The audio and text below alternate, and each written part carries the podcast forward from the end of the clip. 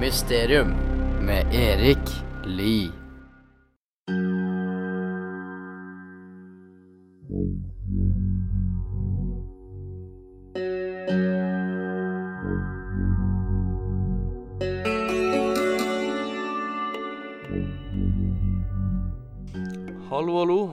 Velkommen til eh, Mysterium, eh, podkasten der jeg snakker om eh, ukjente og kjente uløste mysterier. Eh, dette er da sesong to, første episode, eh, og jeg har med meg en annen gutt i studio.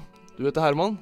Jeg heter Herman, eh, og i denne sesongen her så skal vi ta for oss mange forskjellige mysterier, så det kan bli gøy. Ja, og første episoden skal da handle om dødens triangel, eller eh, bedre kjent som Bermuda-triangelet. Mysterium. Ja, da kan vi starte med noen eh, faktaopplysninger. Eh, Bermudatriangelet eh, er jo da et havområde som ligger i Atlanterhavet. Det er 2,5 eh, millioner eh, kvadratkilometer, så det er et ganske så stort område. Det ligger mellom Bermuda, Puerto Rico og Florida. Begrepet Bermudatriangelet begynte å bli brukt i 1964 av Vincent Gaddis, og det som er tingen er at det, eh, det er veldig mange merkelige forsvinninger av både båter og fly. I dette området. Det er det som er beryktet for eh, dette Bermudatriangelet. Ja, nettopp. Eh, og um, ifølge Time Magazine så har det da vært fra 1946 til 1991 over 100 forsvinninger av da båter og fly, som er da ganske så merkelig.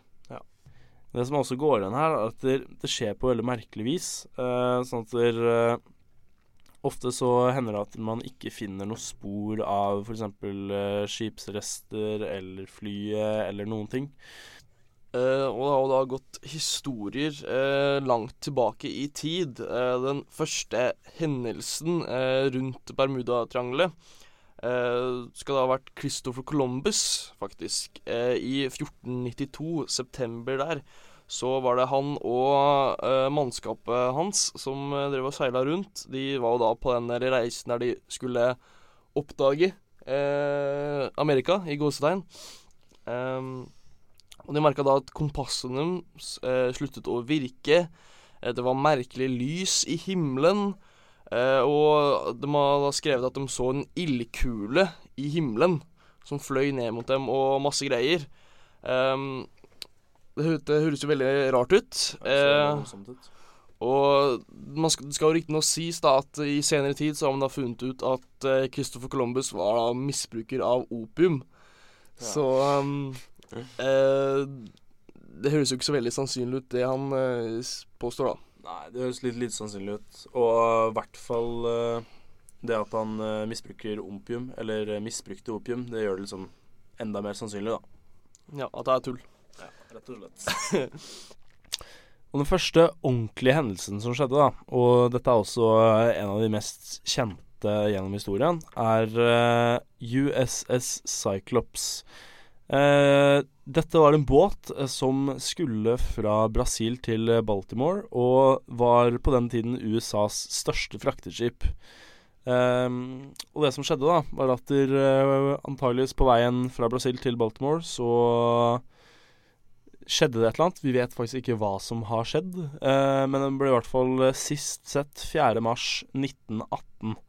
Eh, på den båten her så var det 306 mennesker om bord, og i ettertid så har det ikke vært noen spor fra skipet. Ikke vrakrester engang.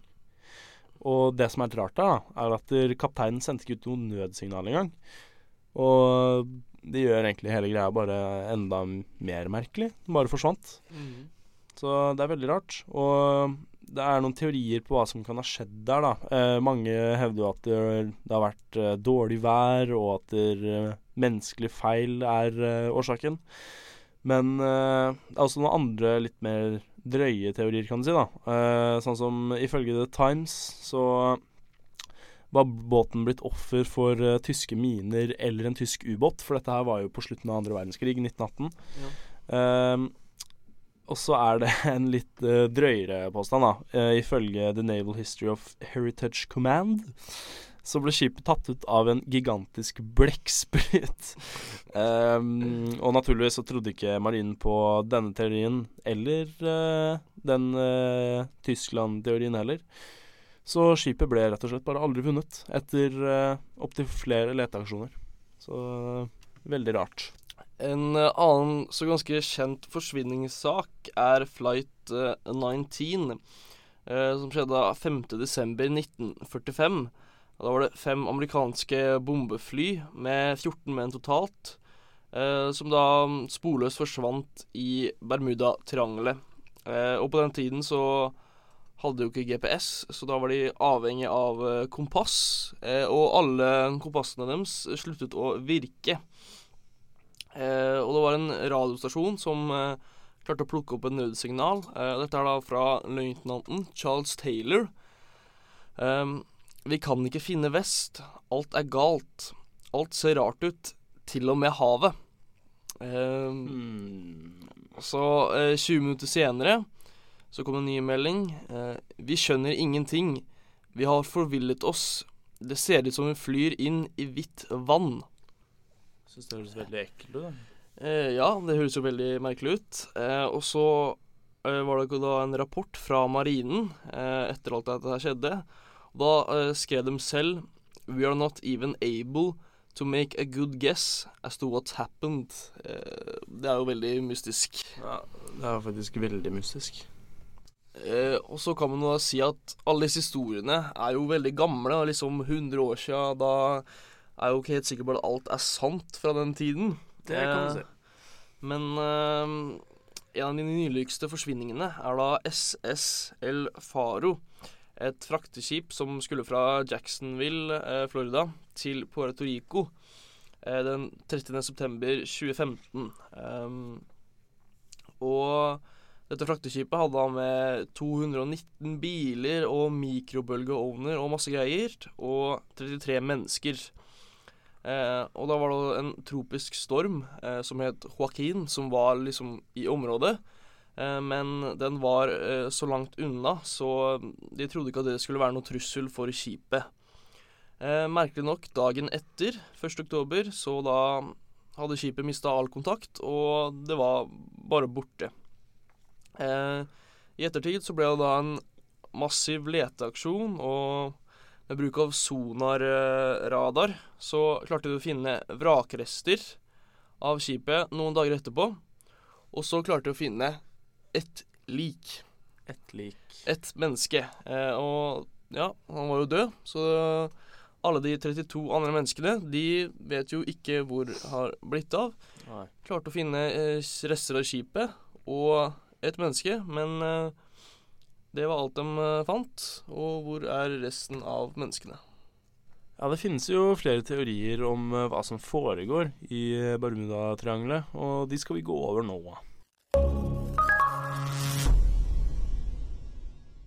Den eh, første teorien har du, Herman. Stemmer det? Det stemmer, og den er så enkel som at eh, Bermudatriangelet er et farlig sted å seile, rett og slett. Fordi vær- og vindforhold ofte er voldsomt der. Og det er også mange tropiske stormer og ulikt farlig vær som eh, passerer det området, da. Um, og dermed er jo denne teorien bygd på at eh, det ikke skjer noe overnaturlige ting der, som uh, veldig mange andre teorier er. Og en annen ting uh, som er, da, er at det, det hevdes jo at det, det ikke skjer flere forsvin forsvinninger i Bermudatriangelet enn på andre steder i havet. Og det kan jo faktisk være et godt poeng, da. At liksom det bare er mer oppmerksomhet rundt forsvinningene fordi de skjer i Bermudatriangelet? Ja, fordi det skjer innenfor et visst område, vil Ja. jeg tro. Ok. En annen eh, teori eh, går ut på et magnetisk fenomen. Altså eh, Bermudatriangelet er jo kjent for eh, intense og voldsomme stormer. Eh, og Bermudatriangelet skal visstnok eh, også bare være ett av to steder i hele verden der kompasser eh, peker true north istedenfor magnetic north, da, som er vanlig. Eh, jeg vet ikke helt hva det betyr, men eh, noen mener jo at eh, det er kanskje derfor eh, mange kompasser oppfører seg rart. at de slutter jo bare å virke når de er innafor Bermudatriangelet. Og det skal også være da massevis av metangassutslipp i området, så det er noen som tenker at det har noe med saken å gjøre. En annen, kanskje litt mindre populær teori er at den legendariske øya Atlantis har noe med saken å gjøre. Uh, ja, men uh, i hvert fall Et av stedene folk antar at Atlantis lå, uh, er i området ved Bermudatriangelet. Eh, og dette kommer fra forfatteren Charles Berlitz, som mente dette. Og det sies at Atlantis hadde fantastisk tekn teknologi som var forut for sin tid. Eh, og dette kunne da forstyrre instrumenter på både båter og fly. Men uh, det er liksom ikke noe konkret bevis her, da, for, Nei, for eh, enten Atlantis eller den der fantastiske teknologien. Ja, jeg tenkte meg det. Um, Ja.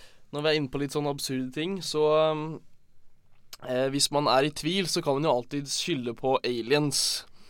Eh, og det er jo da Noen tror jo da at eh, aliens, altså romvesener, har valgt ut Bermudatriangelet som et område der de skal da kidnappe og bortføre mennesker. Eh, og det er da ingen konkrete bevis på denne teorien. Så de to siste teoriene tenker vi at vi kanskje kan eh, stryke. Det tror jeg begge er enige om. Ja. Ja, etter eh, alles teoriene, Erik, hva tenker du? Hvilken teori som er mest sannsynlig? Ja, eller generelt, hva tenker du? Uh, jeg tenker jo det er veldig merkelig.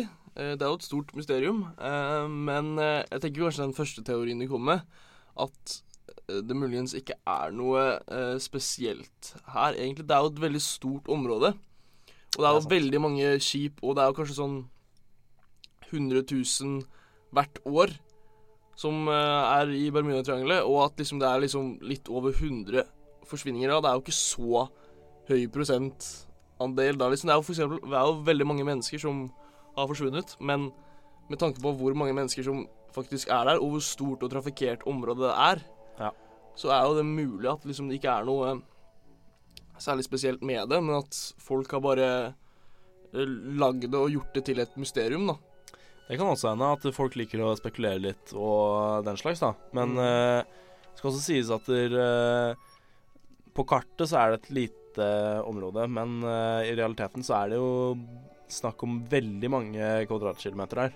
Mm. Så Og i tillegg til at det er eh, et område hvor eh, det er typisk at der uvær passerer, da. Sånn som tropiske stormer og sånn, som vi snakket om i stad.